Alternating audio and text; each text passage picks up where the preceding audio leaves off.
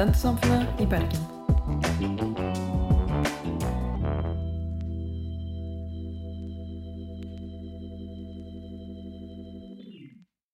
Dette er et lite innblikk i hvordan det kan oppleves å utvikle schizofreni. Å få en schizofrenidiagnose kan være veldig vanskelig for mange. Ikke bare fordi det er en tøff diagnose å leve med, men òg pga. at det er en misforstått sykdom. I denne podkasten ønsker vi å kaste lys over hvordan det kan være å leve med schizofreni, og finne ut hva sykdommen egentlig innebærer. Til å hjelpe oss med dette har vi vært så heldige å fått virtuelt besøk av Kenneth Hugdal, professor i biologisk psykologi og tidligere leder for FMRI-gruppen i Bergen, og Anne Kari Torgalsbøen, spesialist i klinisk psykologi og professor ved Universitetet i Oslo. Vi i Studentersamfunnet i Bergen håper at du som lytter blir klokere på hva schizofreni er, enten om du kjenner noe med diagnosen, har den sjøl, eller bare lytter av nysgjerrighet. Schizofreni er en veldig kompleks sykdom, og det er derfor mye vi skal gå igjennom. Men jeg vil begynne med å spørre deg, Anne Kari. Hva er egentlig schizofreni?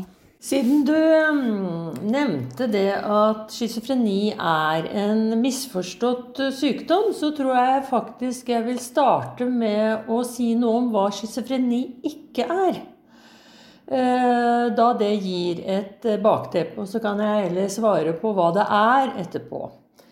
Det er en ganske utbredt misoppfatning at schizofreni er en tilstand med flere personligheter, eller splittet personlighet. Det er da ikke tilfellet.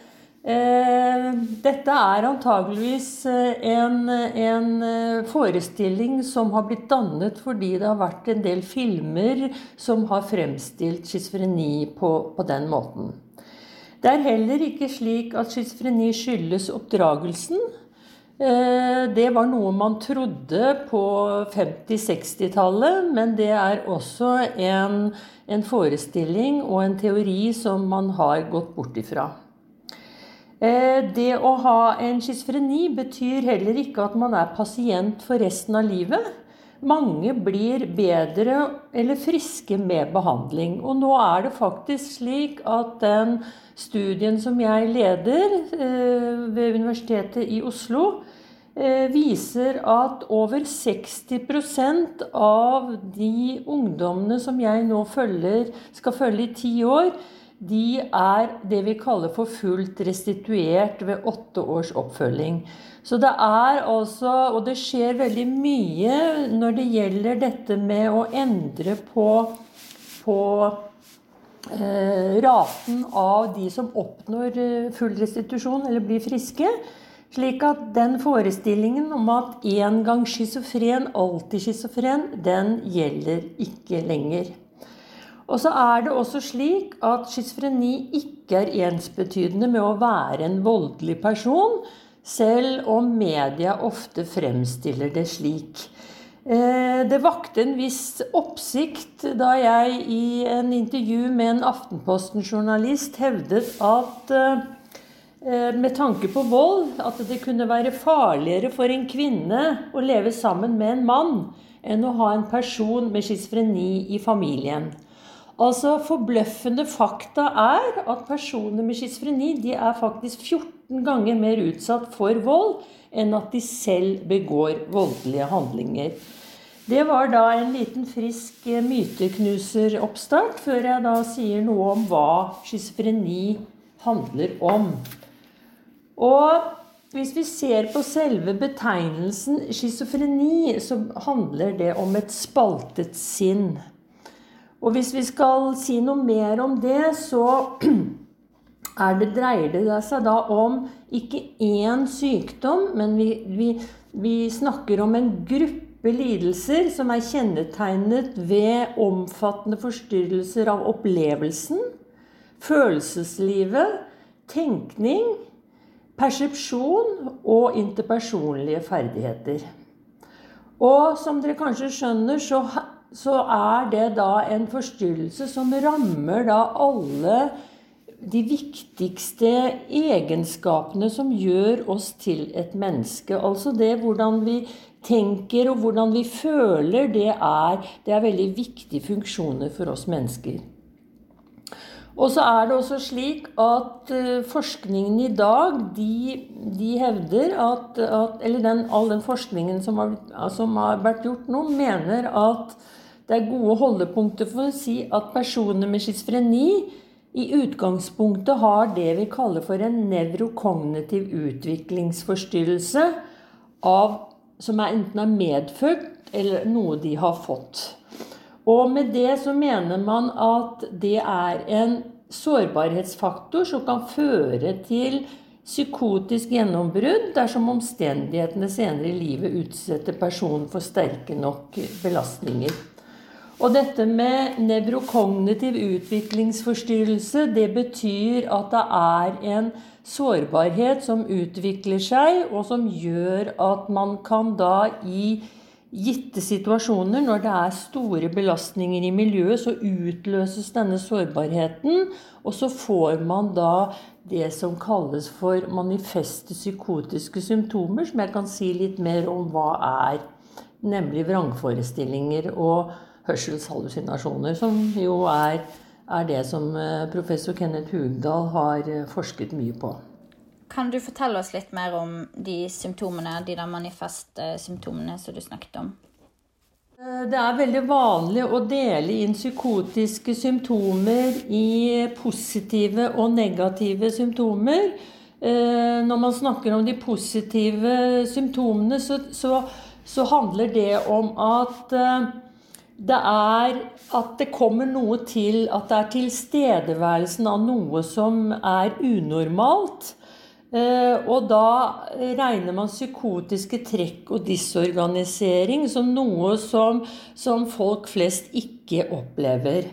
Eh, og hvis vi snakker om psykotiske trekk, så, så det, dreier det seg da om vrangforestillinger og hallusinasjoner. Eh, og jeg skal si litt mer om det etterpå, men også dette med med disorganisert eh, måte å oppføre seg, det handler om at man viser følelser som som på mange måter er unormale for situasjonen. Man har tankeforstyrrelser, altså at tankene løper løpsk, og man tenker veldig mange rare tanker som man ikke gjorde tidligere. Eh, og man har også en, en svekket oppmerksomhet. Og når det gjelder negative symptomer, så handler jo det om at det er fravær av noe som man forventer skulle være til stede. F.eks. at man fremstår som veldig apatisk. Man har manglende evne til å føle glede. Eh, det skjer en følelsesmessig avflatning. Man trekker seg sosialt tilbake. Også, også for noen så blir altså måten å snakke på blir veldig langsomt og, og redusert. Og en annen, en annen viktig ting ved symptomene ved schizofreni er jo det som kalles for kognitive forstyrrelser, som handler om tankeforstyrrelser. Og der ser man jo at eh, de som har schizofreni, de strever særlig i forhold til tre områder innenfor måten å tenke på. Og det handler om oppmerksomhet, det handler om hukommelse og om evnen til å planlegge. Altså det å forberede seg til å gjennomføre handlinger. Og disse funksjonene er jo veldig sentrale i, i dagliglivets eh, gjøremål. Og det å oppleve det vi kaller for kognitiv svikt, det er jo veldig plagsomt og ubehagelig. Eh, og representerer på mange måter en, en skjult funksjonshemning. Det å oppleve at tankene forandrer seg, at en ikke klarer å følge med i samtalen, eller at hukommelsen svikter, det fører til frustrasjon og ikke minst til redsel. Og man bruker mye energi på å skjule og ikke røpe og gjøre alt for å fremtre normalt. Men den gode nyheten er jo da at eh, selv om man har en, fått påvist en schizofreni, så har ikke alle de som har diagnosen schizofreni, like stor grad av kognitive forstyrrelser. Jeg kan jo bare vise til en, en undersøkelse som kalles for Bergen-Oslo-prosjektet, som ble utført av Bjørn Rund og medarbeidere fra 2005.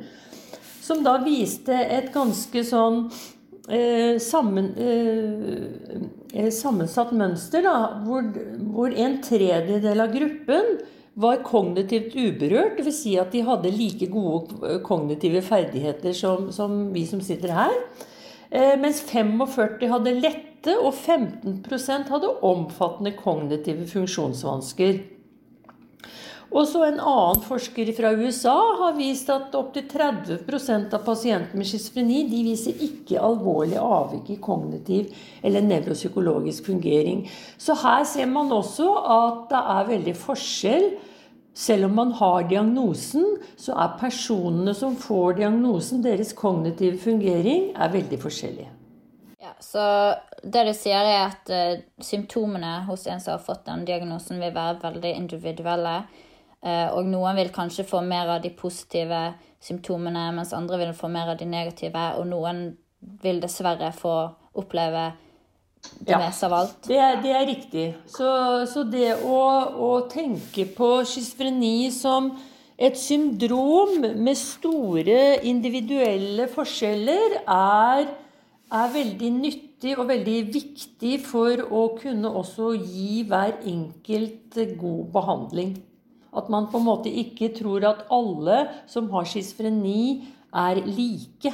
For det er store individuelle variasjoner. Ja. Uh, og uh, du snakket jo om at du skulle, skulle komme tilbake til uh, vrangforestillinger og hørselshallusinasjoner. Ja. hvis du, Kenneth, kan kanskje begynne å snakke litt om hørselshallusinasjoner, siden det er spesifikt ditt felt. Ja. Uh, hørselshallusinasjoner om, om, vi begynner med tilsvarende spørsmål som du ga til Anne Kari om hva er schizofreni, så kan, kan, jeg prøve å svare på hva er hørselshallusinasjoner. Eh, hørselshallusinasjoner pleier man å definere som eh, en opplevelse av at man hører eller kommuniserer med en vanligvis en stemme, en eller flere personer som snakker til meg. Eh, uten at det finnes en objektiv ytre kilde til den eh, opplevelsen. Eh, vi hører nå, av alle som hører på oss, hører en stemme akkurat nå, nemlig min stemme.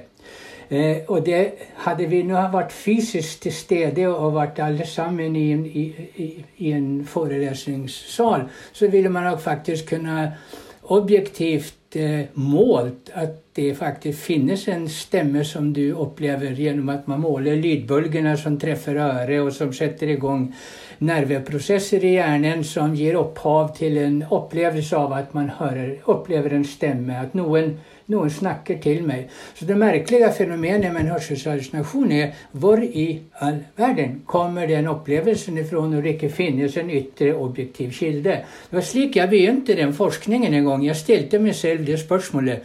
Det må jo bety at det kommer innenfra. Eh, eh, det, det må være ting som hjernen produserer. Og under hvilke betingelser produserer hjernen den opplevelsen av noe faktisk som i bokstavelig mening en opplevelse av en, av en stemme som ikke eksisterer. Så slik kan man i noen mening definere en hørselshallusinasjon. Eh, hallusinasjoner eh, er jo et, i og for seg flere enn hørselshallusinasjoner. Hallusinasjoner kan man oppleve i, som synshallusinasjoner, man kan oppleve det som lukter som at noen tar på meg. Man kan oppleve det som at det er noen i nærheten av meg uten at det finnes noen der. Men alle disse opplevelsene har den samme grunndefinisjonen. Det er en opplevelse av noen ting som i, virkeligheten ikke eksisterer, objektivt sett. Eh, Schizofrene pasienter, hørselshallusinasjoner, er kanskje det mest fremtredende symptomet. Men som vi nyss hørte her fra Anne Kari, det er ikke det eneste symptomet. men det er et veldig fremtredende symptom. Og for å få en diagnose av schizofreni, så, så er, det, er, det, vanlig at man har hallusinasjoner, hørselshallusinasjoner som, en, som en komponent. Eh, men det litt merkelige med hørselshallusinasjoner er at de faktisk ikke er bare finnes hos eh, eh, pasienter med schizofreni. Det finnes faktisk også i eh, normalbefolkningen eller befolkningen generelt. Eh, så her har vi et, et litt merkelig eh, fenomen som ikke utelukkende finnes bare hos en gruppe som, som har en, en psykisk eh, diagnose. Eh, men også i normalbefolkningen. Vi, det finns flere undersøkelser som er gjort på det, og det, det varierar litt procenten men det ligger någonstans mellom 7-12-13 prosent i normalbefolkningen. Så når jeg gikk inn i denne forskningen, var jeg også interessert i hva er det som skiller mellom de som har hørselshallusinasjoner som et symptom for en diagnose, og de som har hørselshallusinasjoner uten at de har en diagnose. Eh, og det kan vi komme tilbake til altså litt. Grann. Eh, eh, hva som skiller de gruppene. Men, men alt det her fikk meg å reflektere over, og det er litt hva Anne Kari startet opp med å si, over om schizofreni er faktisk en, en diagnose i seg selv i det hele tatt. Eller om det er slik at vi opplever aspekter av den, av den de klassiske diagnose, eller symptomene i befolkningen i sin helhet. Så det er mer av en dimensjon enn det av en kategori. Enten har man en diagnose, så har man den ikke. Men her har vi altså, når det kommer til hallusinasjonene, så er det ting som varierer gradvis gjennom befolkningen. Noen har det i det hele tatt ikke. Noen har det til en viss grad, og noen har det i tillegg til at de har en diagnose. Så det var også et uh, spesielt uh, uttrykk ved hallusinasjoner. Så når man skal i noen mening fortelle hva er hallusinasjoner, så pleier jeg å uh, ha tre dimensjoner som jeg sier man kan karakterisere hallusinasjonene ut ifra.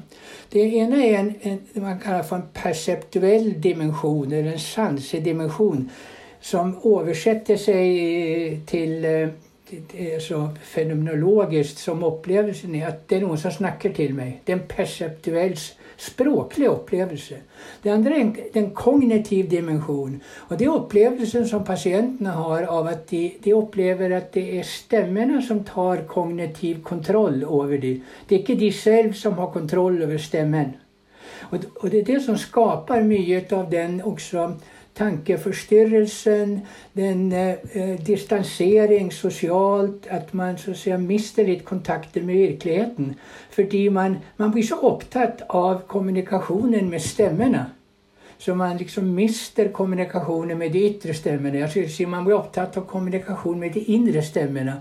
Så man mister kontakten med de ytre stemmene, dvs. Si den omgivende verden. Og der har vi og mange andre vært inne, ikke minst psykologer, med en tanke om at man skulle kunne bryte den, den fokuset mot de indre stemmene med ulike terapeutiske tilnærminger. Vi har hatt en del trening, kognitiv trening med en, en iPhone-app som pasienten får ha med seg på bussen og sitte og lytte på for å trene seg og begynne å komme vekk fra den kognitive kontrollen som stemmene har. Tredje dimensjonen, som kanskje er den mest interessante, den som det minst forsket på, det er det som vi kan kalle for den emosjonelle dimensjonen. Det er at stemmene hos pasientene i stort sett til 80-90 men ikke alltid, eh, er de negative. Det er emosjonelt negative. De sier slemme ting om meg. De sier ting som eh, 'Du er dum', hva, eh, Hvorfor uh, sier du de tingene? Du er verdiløs. Uh, du burde egentlig holde kjeft. Uh, hvorfor har, er du kledd slik i dag? og den negativiteten skaper angst hos pasienten, hvilket gjør at de har ofta an, kallad anticipatorisk angst, en sorts forventningsangst om når skal stemmen komme neste gang. Og det, det driver en, en forhøyet angstnivå hos pasientene. Så hørselshallusinasjonene har også en annen konsekvens eh, som går litt ut, utover eh, det vanlige synet de faktisk driver et angsttilstand hos pasienten. Så om vi kunne bryte noe av det, så ville mye ha vært for pasienten. Så har jeg i de siste årene i forskningen så har, har, vi, har vi, begynt ha også noen resultater på der vi jeg stilte meg det spørsmålet, og det var om hørselshallusinasjoner, det kan vi komme tilbake til, har sitt opphav i hjernen. Det er noen ting med noen øh, noen uh, koblinger i hjernen som ikke uh, oppfører seg som de skal. Burde man ikke da ha hallusinasjonene 24 timer i døgnet, 365 dager om året, konstant? Men det er ikke sant. Det varierer veldig mellom hvor lange perioder de har, hvor, hvor intense de er, hvor ofte de har det. Men det er ikke slik at pasienter med kanskje noen unntak har konstante stemmer. Så det spørsmålet jeg stilte meg, og som egentlig ikke hadde blitt stilt i forskningen, er hva er det som faktisk gjør at stemmene spontant opphører? Hva skjer i hjernen når de bare forsvinner, og så kommer de tilbake igjen? All forskning hadde vært fokusert på å forklare hvorfor de opptrer. Jeg ble mer fokusert og interessert i hvorfor de forsvinner. Og, og det har vi nå uh, i de siste hjerneundersøkelsene som vi bruker som magnetresonansavbildning. Uh, Eh, tror oss var på sporet av et lite område i hjernen som virker som den fungerer som en dirigent for hele symfoniorkestret inne i hjernen, som slår eh, stemmene av og på. Eh, så når det der lille området eh, plötsligt aktiverer seg, så slås stemmene på. Det er som når dirigenten tar opp taktstokken og begynner å dirigere. Og når han legger ned taktstokken, så forsvinner stemmene. Og så kommer de tilbake. Så det kan være som en liten introduksjon til uh, hørselshallusinasjoner. De stemmene som vi hører, om det så er første dimensjon, andre eller tredje dimensjon, eh, er det noen typiske ting som man hører, som de fleste hører som har diagnosen? Eller er, det, eller er det veldig individuelt hva man hører? Svaret på det er ja og nei. Eh, eh, jeg begynner med nei, det er egentlig ikke noen, noen enkle dimensjoner av tema eller innhold. Jeg pleier å si at det er litt grann som våre drømmer. Eh, det er veldig vanskelig å finne et sorts veldig generelt tematisk innhold som vi alle har samme innhold i våre drømmer. Likevel så er det noe der om man begynner å, å pirke litt i hva det faktisk er folk drømmer om. Det er noen ting om at man er forfølgd, eller noen ting som vi kan alle ha opplevd i våre drømmer. Så det er veldig vanskelig å finne i selve innholdet hva stemmene sier eh, som er likt hos stort sett alle pasienter. Men det er ett tema som da går igjen, og det er jo det negative emosjonelle innholdet i de stemmene som pasientene hører. Men de stemmene som personer i den generelle befolkningen hører, de som ikke har en diagnose, de stemmene er mer positivt ladede. Der er det litt mer, for å bruke et litt slitt uttrykk, å snakke med engler. Eh, der er stemmene litt hyggeligere eh, og, og, mindre slemme enn hva de er eh, hos pasientene. Så svaret er i noen mening både ja og nei. Er det sånn at man vet om hvorfor Sånn at de stemmene man hører, om det er stemmer man har hørt før, om det er noe som ligger dypt nede i underbevisstheten, om det er mobberne vi hadde på barneskolen Altså, er, hvem er det vi hører? Eh, der er det også sånn at eh, all of the above, alt det du nevnte nå, inngår hos noen. Det, det er slik så Har du vært med en veldig traumatisk opplevelse i barndommen? Mobbing, eh, seksuell traumatisering, krigsopplevelser eh, Den verd vi lever i i dag, egentlig, egentlig hallusinasjonsskapende mange steder i verden, faktisk. Eh, det, det kommer med det lever man med i det. Men det er mange som, som uh, har stemmehøring uh, og som og, og opplever hørselshallusinasjoner, men som ikke har med om den traumatiske opplevelsene.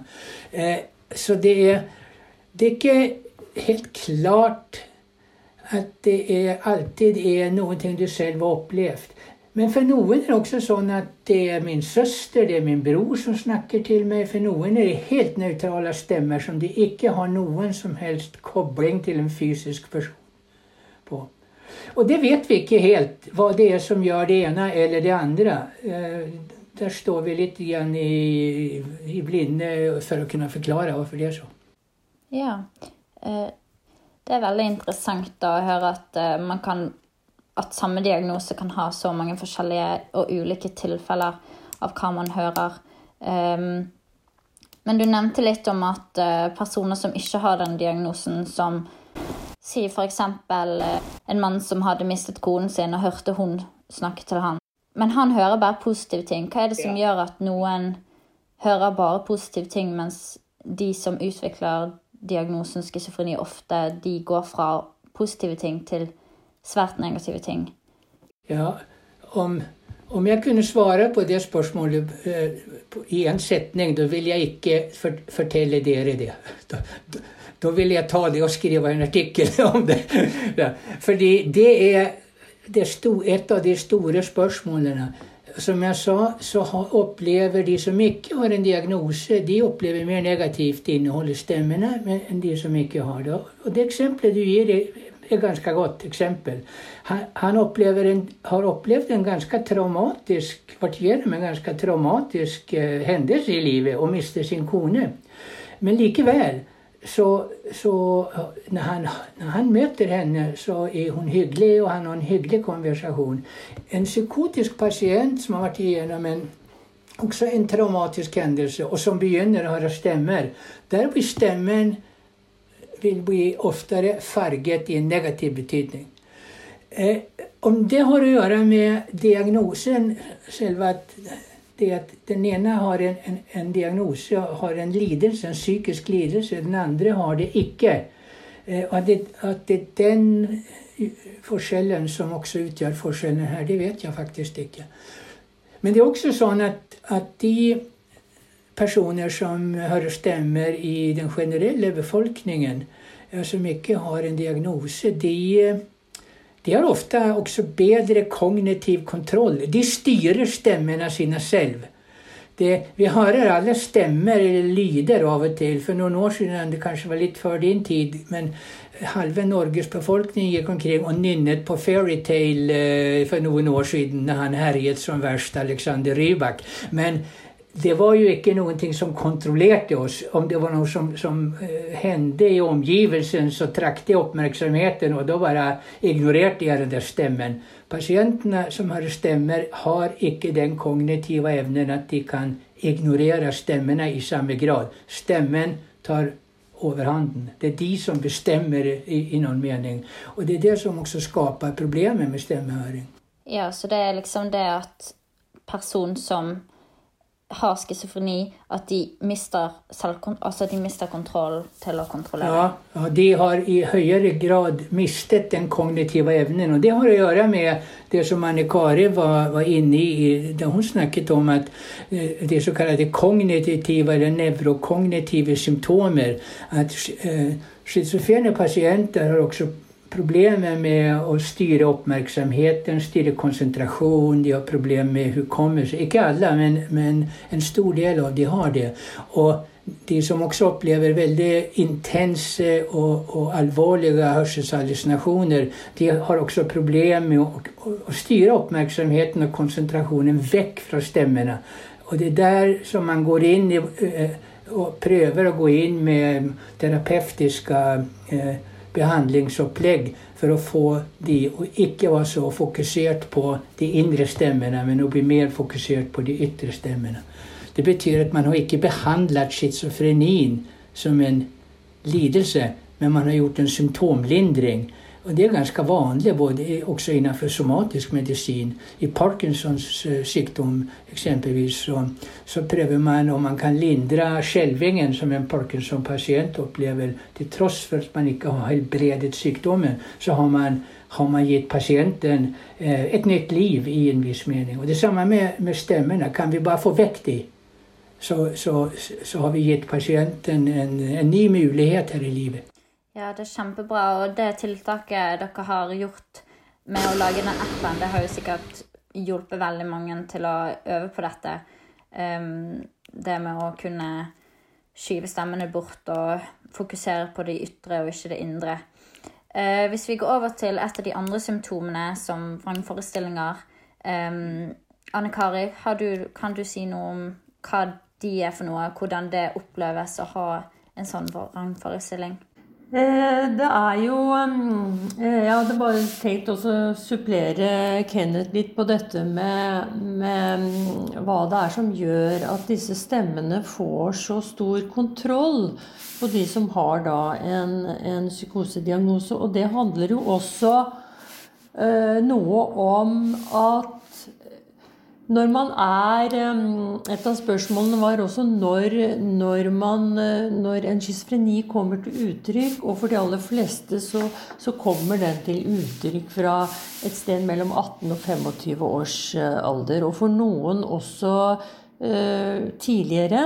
Og hva er det som skjer når, i den aldersfasen der? Jo, da skal man jo bli Eh, sitt eget menneske. Altså det er identitetsprosjektet. Eh, det skjer veldig mye eh, både med hjernen og psykologisk sett i, den, i det tidspunktet der. Og, og, det er klart at når man da opplever å få slike kraftfulle symptomer som f.eks. disse hørselshallusinasjonene, så har jo personligheten lite å stå imot med. Eh, man blir veldig forvirret. Det skaper mye angst, som, som, eh, som, Kenneth var inne på. Og jeg tror nok kanskje også at det har noe å gjøre med at personligheten er lite rigget for å håndtere at det skjer så mye på det mentale plan.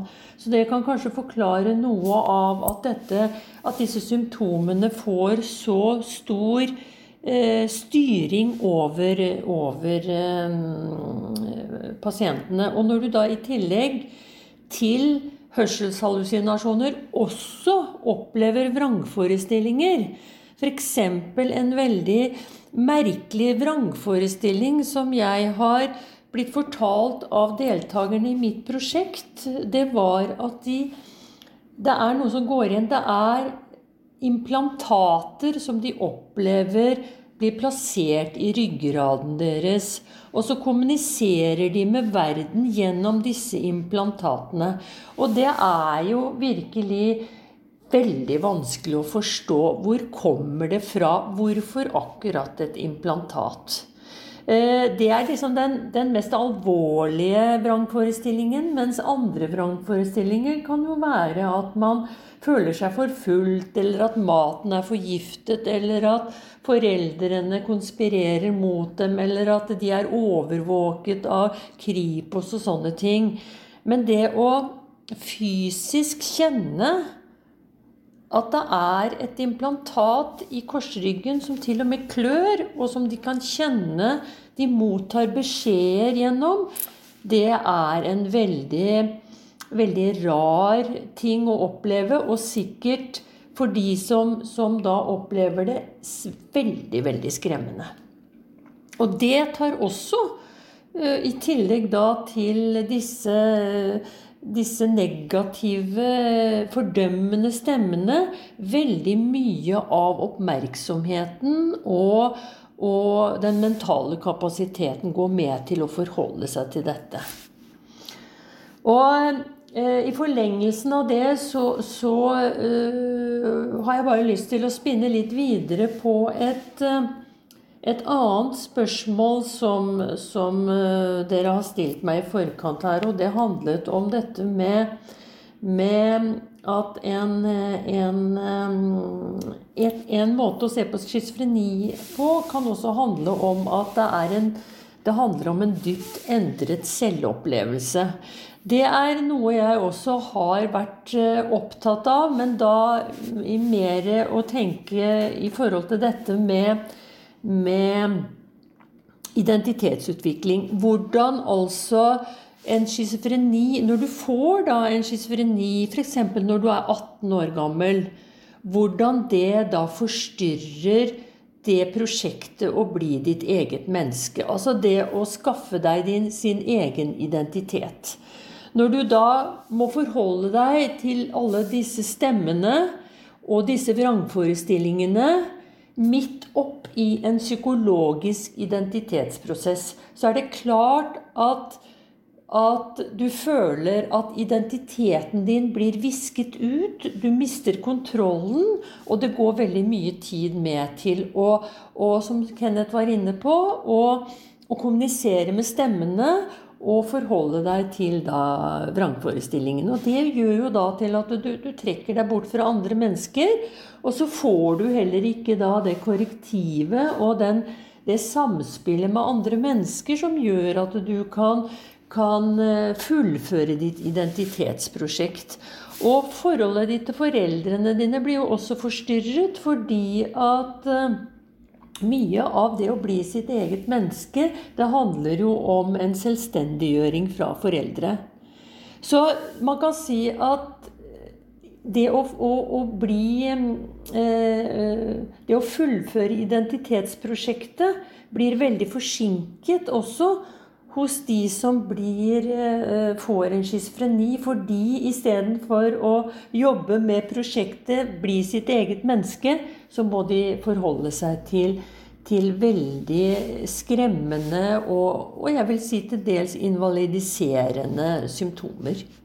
Pga. at uh, dette kan være veldig slitsomt både ja. psykisk og fysisk, vil du vil de som har schizofreni, kunne utvikle andre psykiske lidelser som depresjon, angst osv.? Absolutt. Jeg vil vel si det at uh, både angst og depresjon kan utvikles som en konsekvens av å stå lenge i i disse mm, Under bombardement av disse, disse eh, veldig skremmende symptomene.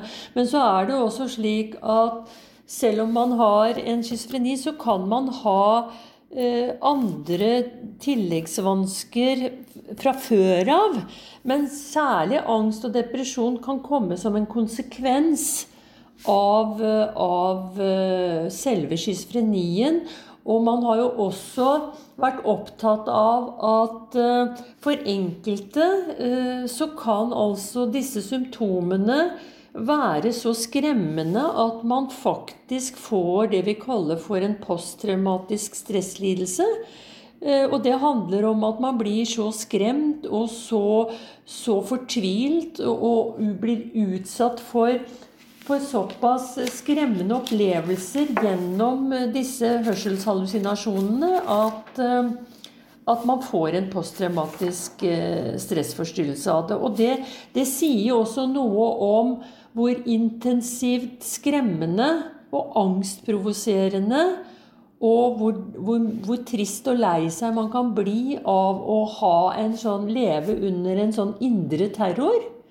Eh, for det er, og det har også jeg tenkt på mye, Kenneth, hvorfor det er slik at eh, det er så få Jeg tror jeg har til gode å møte noen med schizofreni som har hygget seg med stemmene sine. Det, det, er stort sett veldig fordømmende, negativt, nærmest terroriserende også. Så det er et slags Det er som å En av pasientene i mitt prosjekt beskrev det som, som å ha et mareritt i våken, våken tilstand, hvor de hvor de også har fortalt om at de kan oppleve at armer og øyne ble revet ut av De opplevde det som om armer og bein ble revet av, av kroppen deres. Og det er klart at eh, for dem er det reelt. Og jeg bare prøver å tenke hvis jeg hadde opplevd det Jeg hadde jo blitt forferdelig redd. altså Jeg hadde blitt helt paralysert av angst. Og det er sikkert også det som skjer når man da har øh, opplever det på denne måten. Bare en liten kommentar til, den, altså til det altså siste som du sa her nå.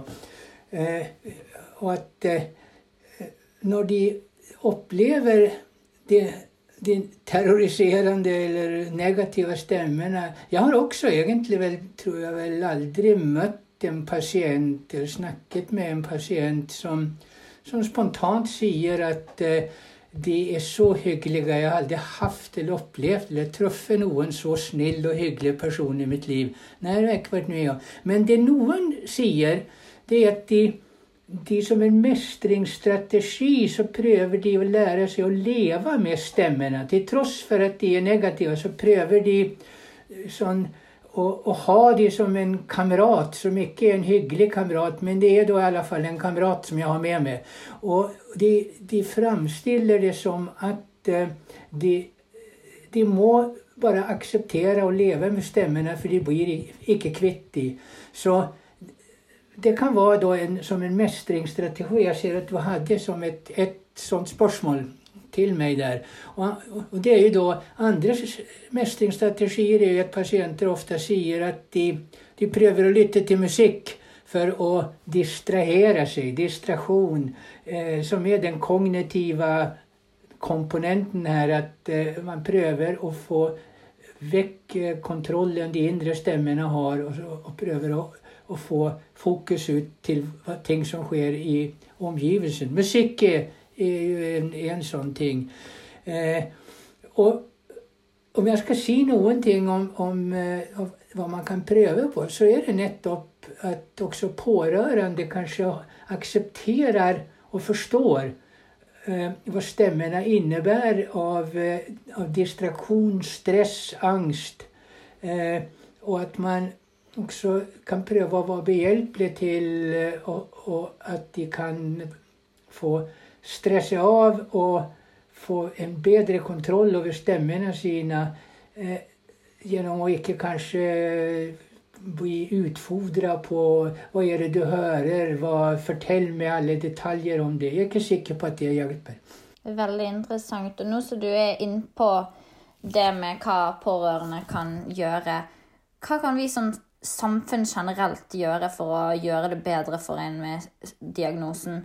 For som sagt tidligere, så er jo dette en sykdom som har fått Det er veldig mange fordommer mot, og dette kan jo umulig være virke positivt på en med diagnosen. Ja, dette er jo noe jeg har vært veldig opptatt av. Og, og jeg har, er jo også da så heldig at jeg har eh, i prosjektet mitt unge mennesker med den diagnosen som kan fortelle meg noe om hva de opplever som hjelpsomt, og hva som absolutt ikke er til hjelp for dem.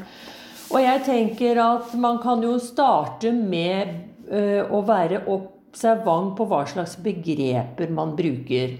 Altså, jeg har jo Eh, i mange, mange år vært opptatt av å snakke med journalister bl.a. om hvor, hvilke begreper de bruker på, på, denne pasientgruppen. Men jeg merker meg jo også at uh, fagpersoner bruker betegnelsen schizofren om pasienter med schizofreni.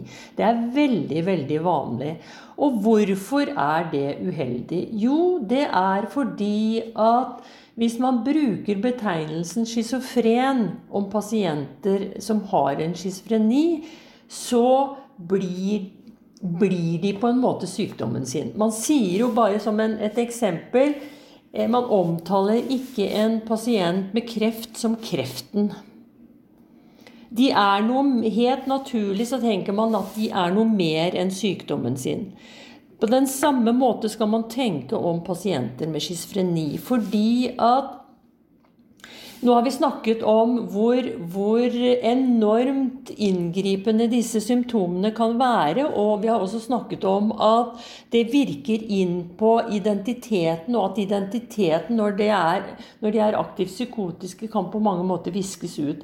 Da hjelper det ikke disse menneskene noe som helst at de betraktes eller betegnes som schizofrene. For da sender samfunnet en beskjed til dem at du er bare sykdommen din, du.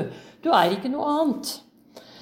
Og det å være litt observant på hvordan man, man bruker begreper, er faktisk eh, veldig viktig. Og det gjelder også når det gjelder eh, dette med at eh, så lenge man fortsetter å omtale pasienter med schizofreni med denne betegnelsen, så vil jo heller ikke eh, så, forplanter dette seg til, til, andre, og det forplanter seg til venner og til samfunnet for øvrig, til arbeidsgivere. At disse menneskene er så spesielle at de er ikke en del av oss. De, de, er veldig, veldig annerledes. Og man opprettholder da på den måten dette veldig skillet mellom dem og oss, istedenfor at det er jo som, som Kenneth var inne på, som jeg syns er veldig viktig å tenke at dette er også snakk om grader av, av det å ha unaturlige opplevelser.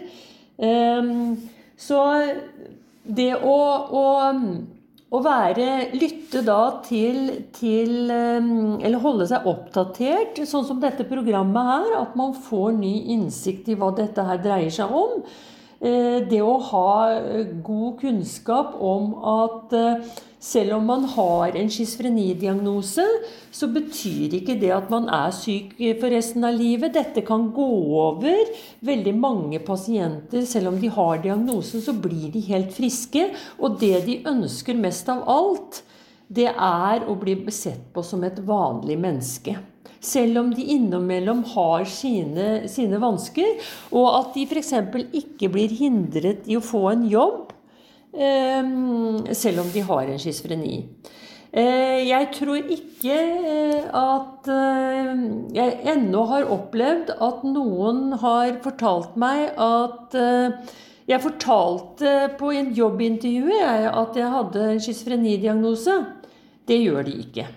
Fordi da vet de at da slår fordommene inn. Og selv om de har en bra CV, selv om de har gode resultater, selv om de faktisk kan være mennesker som, som er ganske intelligente, eh, så får de ikke muligheten til å få den jobben hvis arbeidsgiver hører at de har en schizofreni. Og jeg tror det er litt sånn gammelt tankegods som henger igjen også hos, eh, hos eh, arbeidsgivere, og kanskje også hos folk flest, at den gamle myten om at, som det het da jeg da jeg tok en doktorgrad i 2000, så var det faktisk Og det er ikke, det er ikke mer enn ja, det er 20 år siden. Da het det seg at én gang schizofren, alltid schizofren. Det var nærmest Det å få en schizofrenidiagnose, det var å få nærmest en dødsdom. Og det, sånn er det jo ikke lenger. Men noe av dette henger fortsatt igjen. Ehm, så til dere da som er, er, eh, unge og kanskje kjenner noen, så vær en god venn. Eh, ikke, ikke, gi opp personen. Ikke tenk at selv om personen strever og kanskje trekker seg tilbake, og sånn, så at, de, at det er et uttrykk for at de ikke ønsker kontakt.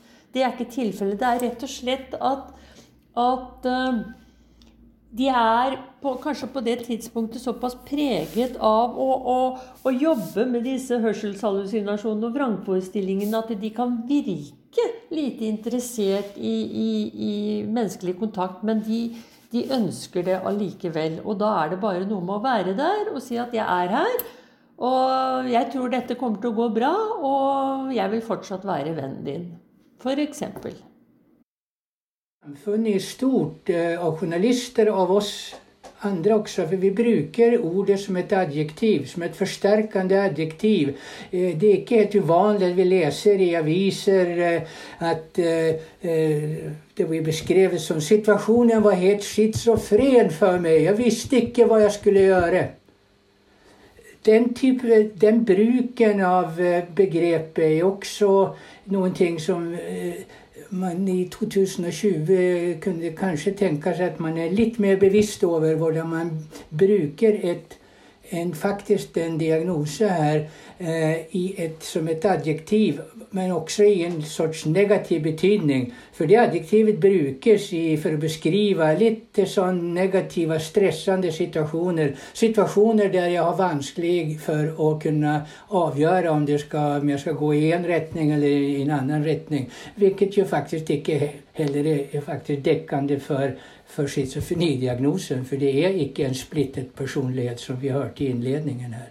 Kunne jeg kanskje bare også tilføye det at uh, jeg syns det har vært uh, Jeg syns det er veldig, veldig pussig at det er sånn i dette feltet her at til tross for da at vi nå har veldig mye kunnskap om at en schizofreni kan arte seg forskjellig fra person til person. Altså no, de, de, aller fleste blir mye bedre. Og ganske mange enn det vi før trodde, blir helt friske. Så er det faktisk sånn at at um, schizofrenien altfor ofte definerer personen snarere enn å beskrive lidelsen. Og det har noe å gjøre med dette, denne betegnelsen schizofren. Og eh, jeg hadde et eh, Jeg vil bare trekke frem en, en av, noe av det som, som, de som er i prosjektet mitt, eh, formidler til meg. Altså, dette handler da om de som da har blitt fullt restituerte. Eh, og da blir de Strever de litt med det at hvis de har en dårlig dag, eh, så blir folk rundt dem veldig bekymret og lurer på og Kanskje du et, får et tilbakefall nå, eller eh, hva, hvorfor er du trist? Hvor, hvorfor er du redd? Det er på en måte at har du en, hatt en schizofreni, så blir atferden din det blir forklart i lys av den tidligere diagnosen. Selv om du ikke lenger har diagnosen. Og det er det oppleves som en slags tilleggsbelastning. Altså da har de ikke bare har de greid å bli bra og vært igjennom alle disse disse skrekkelige opplevelsene med vrangforestillinger og hallusinasjoner. Men når de da først kommer ut på andre siden og har fått det mye bedre og er i jobb og har stiftet familie og sånn, så blir folk rundt dem veldig engstelige hvis de bare har en dårlig dag. Og, og som en sa til meg, at det virker ikke som jeg har lov til å ha en dårlig dag, for da tror alle at jeg blir syk igjen. Og det er også noe å tenke på, og det var også noe som tidligere kommunikasjonssjef i Mental Helse og Ungdom, Adrian Lorentzon, var inne på. Det er, er dette at man har en tilbøyelighet og, og det, det, gjelder også faktisk fagpersoner. At, at blir du sykdomsforklart, sier han, så blir du helt strippet for troverdighet. Det er Vi er nødt til, også vi fagpersoner, å ikke hele tiden tenke at, at uh, følelser uh, har noe å gjøre med at, at alltid skal tolkes i lyset av en, en tidligere schizofrenidiagnose. Eh, en liten kommentar til det. Tror du at for å hjelpe de som er rundt deg, pårørende til den personen som har schizofreni, tror du at det er viktig at den som har diagnosen, forteller hvordan han har det? Um, om de så har hatt diagnosen, eller om de fortsatt har, at de forteller at ja, i dag har jeg det sånn. Um, I dag hører jeg stemmer. I dag har jeg en vanskelig dag. Uh, eller når de er friske. Jeg er faktisk frisk. Dere trenger ikke å være bekymret for at det skal gå i ned i bakken hele tiden. Tror du dette er veldig viktig? Ja, det tror jeg absolutt. Eh, I hvert fall, eh, hvert fall når det gjelder eh, kanskje i forhold til venner og familie og sånn. Men som jeg sa, så tror jeg ikke det er Samfunnet er, er mottagelig for å, å at man, eh, man uh, forteller om uh, sin schizofrenidiagnose hvis man har fått en jobb. Da tror jeg man bare får heller bare sier at 'i dag har jeg en dårlig dag'. For det har jo vi andre lov til å si på jobben. og det, da er det også viktig at de som da kanskje strever med, med psykotiske symptomer For det er jo Jeg ble også bedt om å si noe om at det er forskjeller på symptomer og funksjonsnivå hos de som har eh, schizofreni. Og det er klart at det er fullt mulig eh, for, eh, selv om man har psykotiske symptomer, å være i jobb. Det har helt å gjøre med det som Kenneth var inne på, i hvilken grad man har kontroll over symptomene å gjøre. Og, men jeg tror ikke Jeg ville ikke anbefale noen å si at nei, i dag hører jeg stemmer på jobben. For da ville folk bli så forskrekket og, og, sånn. Det ville de ikke håndtere. Og det sier noe om at det faktisk er fordommer der ute som gjør at, eh, at foreløpig så, så, kan man ikke være fullt åpen om dette, f.eks. i det ordinære arbeidslivet. Eh, Kenneth, hadde du noe du ville tilføye? Nei, Jeg tenkte bare å si at eh, Bare en liten kommentar til det at eh, som Anne Kari sier, man, man forteller ikke at, at, man har en diagnose, at man har stemmer i jobbintervju. Men vi har jo et eksempel på der man faktisk har fått nobelprisen til tross for at man hadde en diagnose av schizofreni. John Nash, den amerikanske økonomen, fikk nobelprisen i økonomi.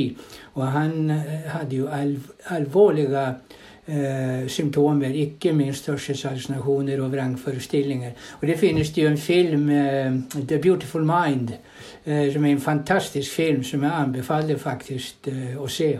De eksemplene dere kommer med, sånn som han som fikk nobelprisen, det viser jo at det går an til å bli frisk, og det går jo an til å leve med denne diagnosen. Og at ja, det kan virke veldig overveldende, men man må ikke gi opp når man får diagnosen. Og vennene må ikke, eller de pårørende må støtte personen. At dette er faktisk en veldig viktig prosess med hvordan det er å behandle personen og for at personen skal bli frisk igjen. Um, kan dere si noe om Eh, Anne-Kar, du har jo bl.a. gjort en studie om, hvorfor, om unge og behandlingen i dag. Kan du si noe om hva endringer i behandlingen som gjør at det er flere som blir friske i dag? Det som jeg tror er helt eh, vesentlig forskjell eh, på behandling eh, nå og behandling tidligere, det er jo det at denne man har foretatt et paradigmeskifte i forståelsen av schizofreni, hvor man har gått bort fra det at som jeg har vært inne på, å, å se på schizofreni som en progredierende hjernelidelse, altså at det bare går nedover og nedover. Eh, man har, eh, ser mer på det som et syndrom, og at det er ulike forløp. Altså at selv om du får diagnosen, så, så kan det være Mulighetene for bedring er veldig forskjellige. Eh, så har man og man har mye, blitt mye mer opptatt av å fokusere på hva som kan bidra til mestring, istedenfor bare å fokusere på, på, symptomer og tilkortkommenheter. Altså at man er mer opptatt av personen som får psykosen, enn bare av psykosen. For dette handler jo om at uh, hvert menneske møter det å få en schizofreni med ulike personlighetsmessige forutsetninger. Eh, så er det også det at man har vært, eh, blitt mm, mer opptatt av å komme tidlig til i behandlingen. Altså det vi kaller for tidlig intervensjon, som jo har vært en del av behandlingstilnærmingen i Norge i mange år, hvor det har vært gjort en veldig bra innsats med å komme tidlig til i sykdomsforløpet. Fordi at det er jo ikke sånn som man eh, Før så trodde man jo det at psykosen startet når eh, vrangforestillingene og hørselshallusinasjonene kom. Men så viser det seg jo det at det, det har, har, gått en, en utvikling forut for den prosessen, slik at når, når en person opplever eh, psykotiske forestillinger, så er det på mange måter et slags endepunkt i en prosess.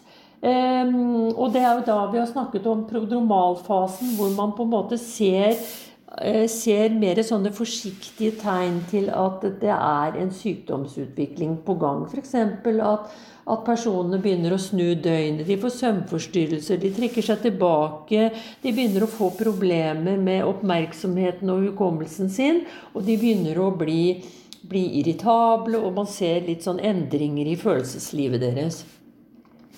Men man får jo da også mye bedre resultater når man går inn tidlig. Før f.eks. så har man jo mye bedre resultater med kognitiv terapi, hvor man jobber med med, med, hvordan personen forholder seg til antagelsene om sine vrangforestillinger, f.eks. Hvis man kommer tidlig til der med kognitiv terapi, så kan man hjelpe personen til å snu tankemønsteret sitt.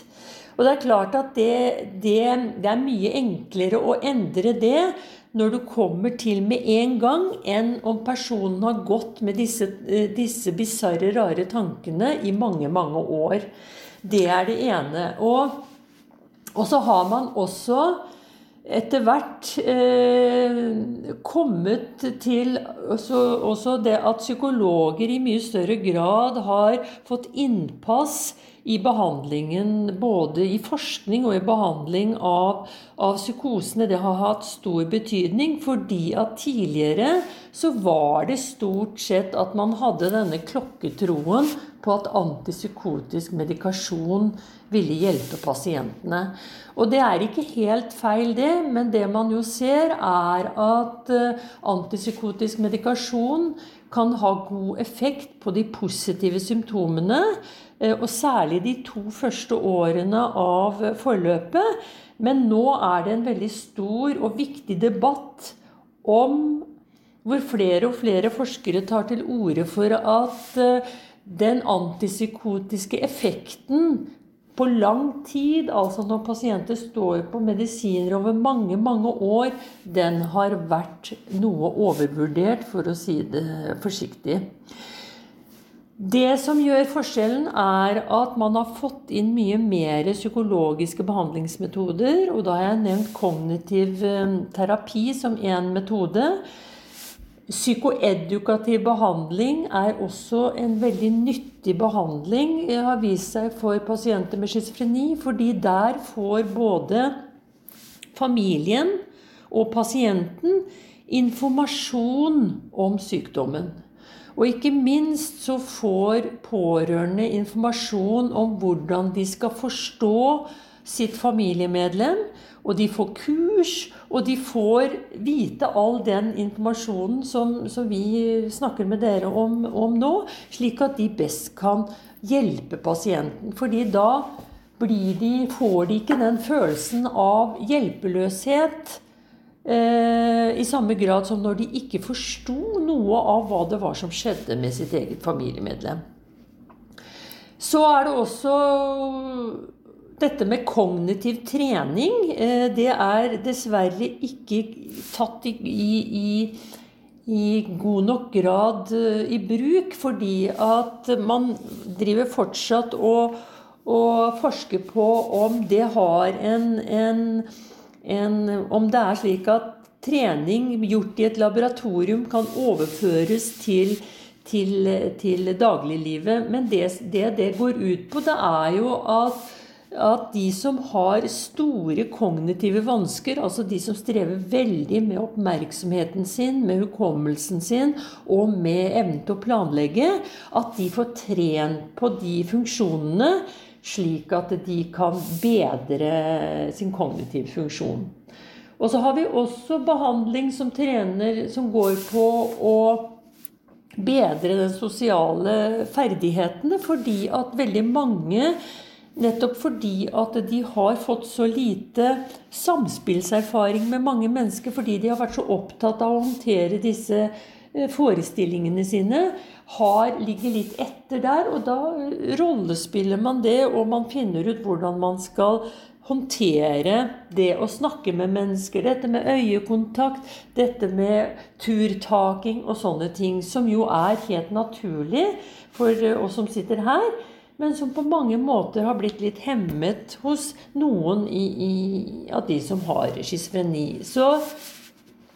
Og det også at, at eh, forskning nå viser at når man studerer førstegangspsykosepasienter, som vi kaller det, altså de pasientene som får kontakt med spesialisthelsetjenesten etter at de har blitt psykotisk første gang, de viser mye bedre resultater når det gjelder å bli bedre og friske, enn hvis man studerer eldre schizofrenipasienter som har vært i systemet lenge, og som kanskje har blitt, fått et litt mer sånn forløp hvor de, de har mer hvor, hvor, hvor, de psykotiske symptomene ikke slipper taket.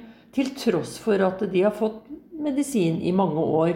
Og det er jo noe som, som Kenneth og jeg har snakket litt om uh, tidligere, nemlig dette med, med, Og som jeg ble litt um, opptatt av nå, Kenneth, når du nevnte det. At hva, hva er det som skjer? Hva er det som har skjedd i, i, hjernen til de deltakerne i mitt prosjekt som nå har blitt helt friske, og som ikke lenger hører da Eh, stemmer lenger, og ikke lenger har vrangforestillinger. Det er Hadde jeg visst det, så hadde det vært utrolig eh, det, hadde, det er et spørsmål jeg lurer veldig på. Altså. Jeg kan bare konstatere at de har blitt helt friske, og de trenger ikke lenger behandling. Og de er, lever liv, de har utdannet seg, de har stiftet familie, de har interessante jobber.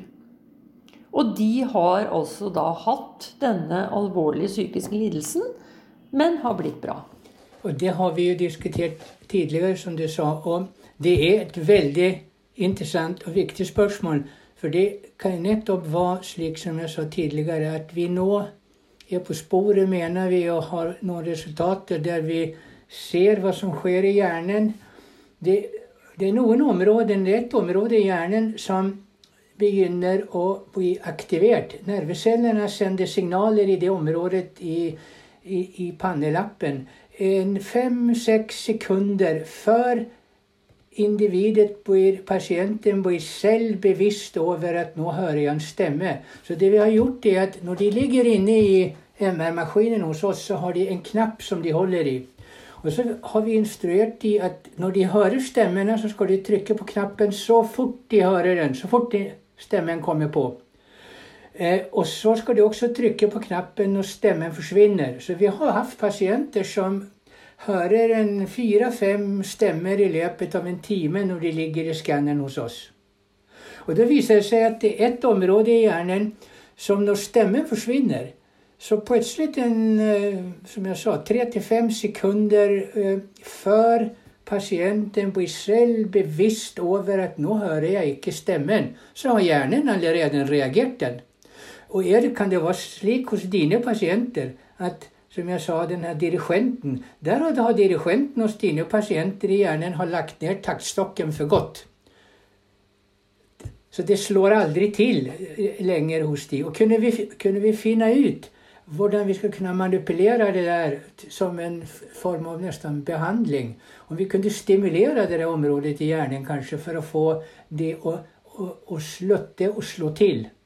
For det er noen ting som jeg er helt enig med deg det, det er noen likhet her. For dine pasienter hører ikke stemme lenger. Og hva i all verden skjer? Det må jo ha skjedd noen ting inni hjernen. da.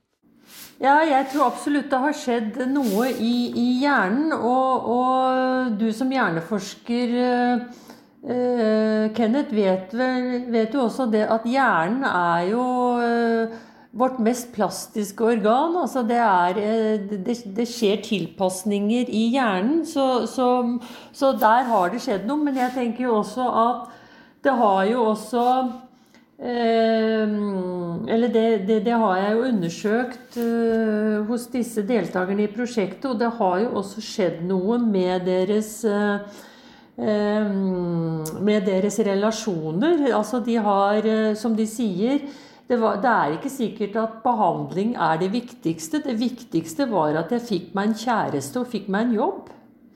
Fordi da tar plutselig livet en helt annen vending. Du, du kommer inn i en ny loop.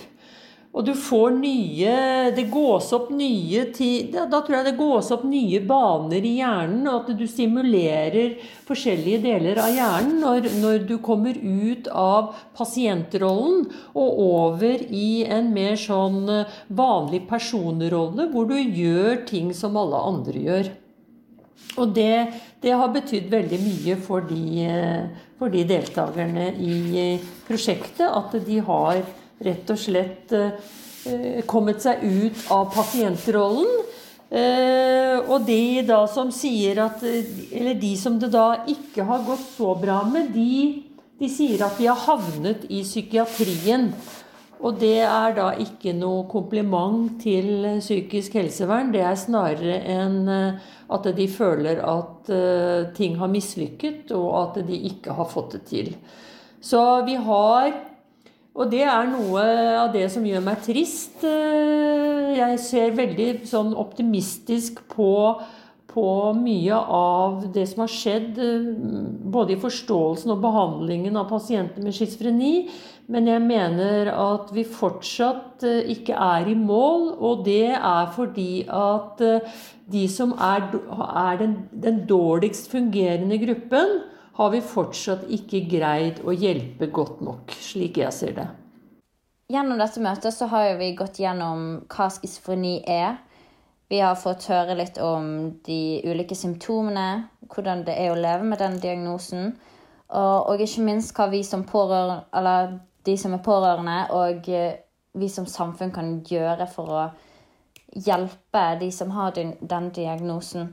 Eh, er det noe mer dere har lyst til å legge til før vi runder av? Eh, jeg har i og for seg fått sagt det jeg ville få sagt. Jeg syns det var veldig interessant å ha denne samtalen og at vi har fått det belyst fra litt ulike vinkler. Så, så, tusen takk.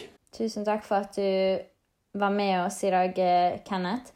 Vi har uh, fått uh, mye nyttig informasjon som jeg håper har uh, svart på mange spørsmål som folk lurer på der ute, og som vil føre til mindre fordommer i fremtiden. Eh, det samme gjelder deg, Anne Kari. Tusen takk for at du var med oss i dag. Tusen takk til dere som lyttet og hørte på. Jeg håper dere har fått noe fornuftig ut av denne podkasten.